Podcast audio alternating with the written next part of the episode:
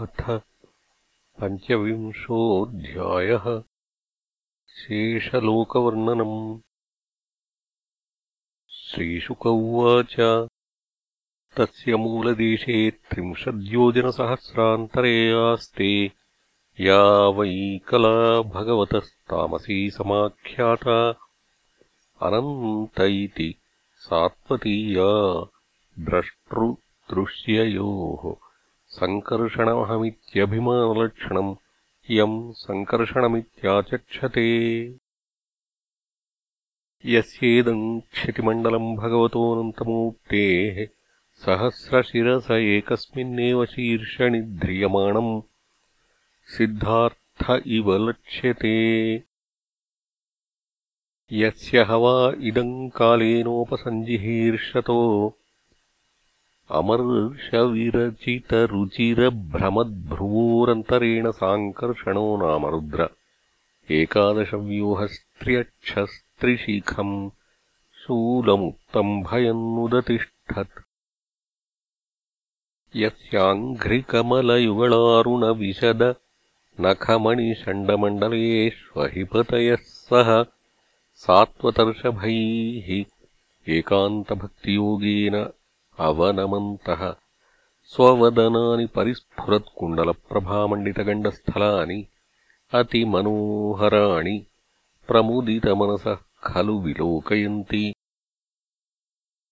यस्यैव हि नागराजकुमार्य आशिषः आशासानाः चार्वङ्गवलयविलसितविशदविपुलधवलसुभगरुचिर भुजरजतस्तम्भेषु। अगुरुचन्दनकुङ्कुमपङ्कानुलेपेनावलिम्पमानाः तदभिमर्षणोन्मथितहृदयमकरध्वजावेशरुचिरललितस्मिताः। तदनुरागमदमुदितमदविघूर्णितारुणकरुणावलोकनयन वदनारविन्दम् सव्रीडम् किल विलोकयन्ति स एव भगवानन्तो अनन्तगुणार्णवः आदिदेव उपसंहृतामर्षरोषवेगो लोकानाम् स्वस्तय आस्ते ध्यायमानः सुरासुरोरगसिद्धगन्धर्वविद्याधरमुनिगणैः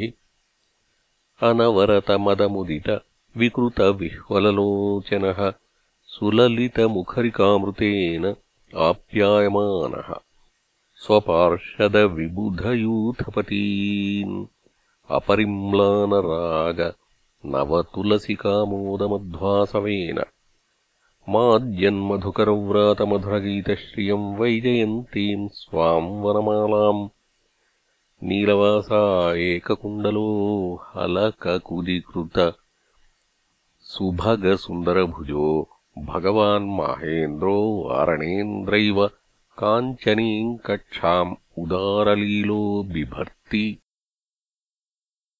य एष एवमनुसृतो ध्यायमानो मुमुक्षूणाम् अनादिकालकर्मवासनाग्रथितमविद्यामयम् हृदयग्रन्थिम् सत्त्वरजस्तमोमयमन्तर्हृदयम् गत आशु निर्भिनत्ति।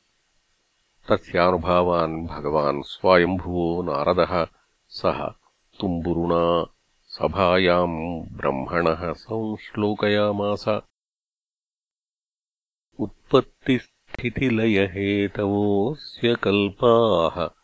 सत्त्वाद्याः प्रकृतिगुणा यदीक्षया सन् यद्रूपम् ध्रुवमकृतम् यदेकमात्मन् नानाधात्कथमुह वेद तस्य वर्त्म।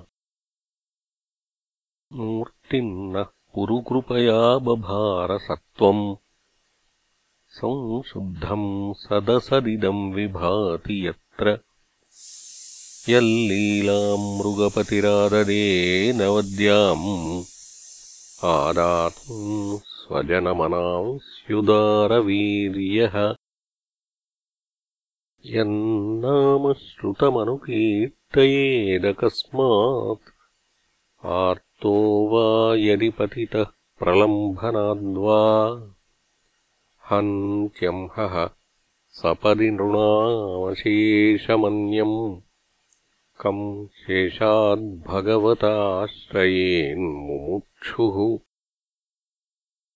मूर्धन्यर्पितमणुवत्सहस्रमूर्ध्नो भूगोळम् सगिरिसरित्समुद्रसत्त्वम् आनन्त्यादनिमितविक्रमस्य भूम्नः को वीर्याण्यधिगणयेत् सहस्रजिह्वः एवम् प्रभावो भगवाननन्तो दुरन्तवीर्योरुगुणानुभावः मूले रसायाः स्थित आत्मतन्त्रो यो लीलयाक्ष्माम् स्थितये बिभर्ति एता ह्येवेह नृभिरुपगन्तव्या गतयो यथा कर्मविनिर्मिता, यथोपदेशमनुवर्णिताः, कामान् कामयमानैः। एतावतीर्हि राजन् पुंसः प्रवृत्तिलक्षणस्य धर्मस्य विपाकगतय उच्चावचा विसदृशाः। यथा प्रश्नम् व्याचख्ये, किमन्यत् कथयाम इति। इति श्रीमद्भागवते महापुराणे पारमहंस्याम् संहितायाम् पञ्चमस्कन्धे पञ्चविंशोऽध्यायः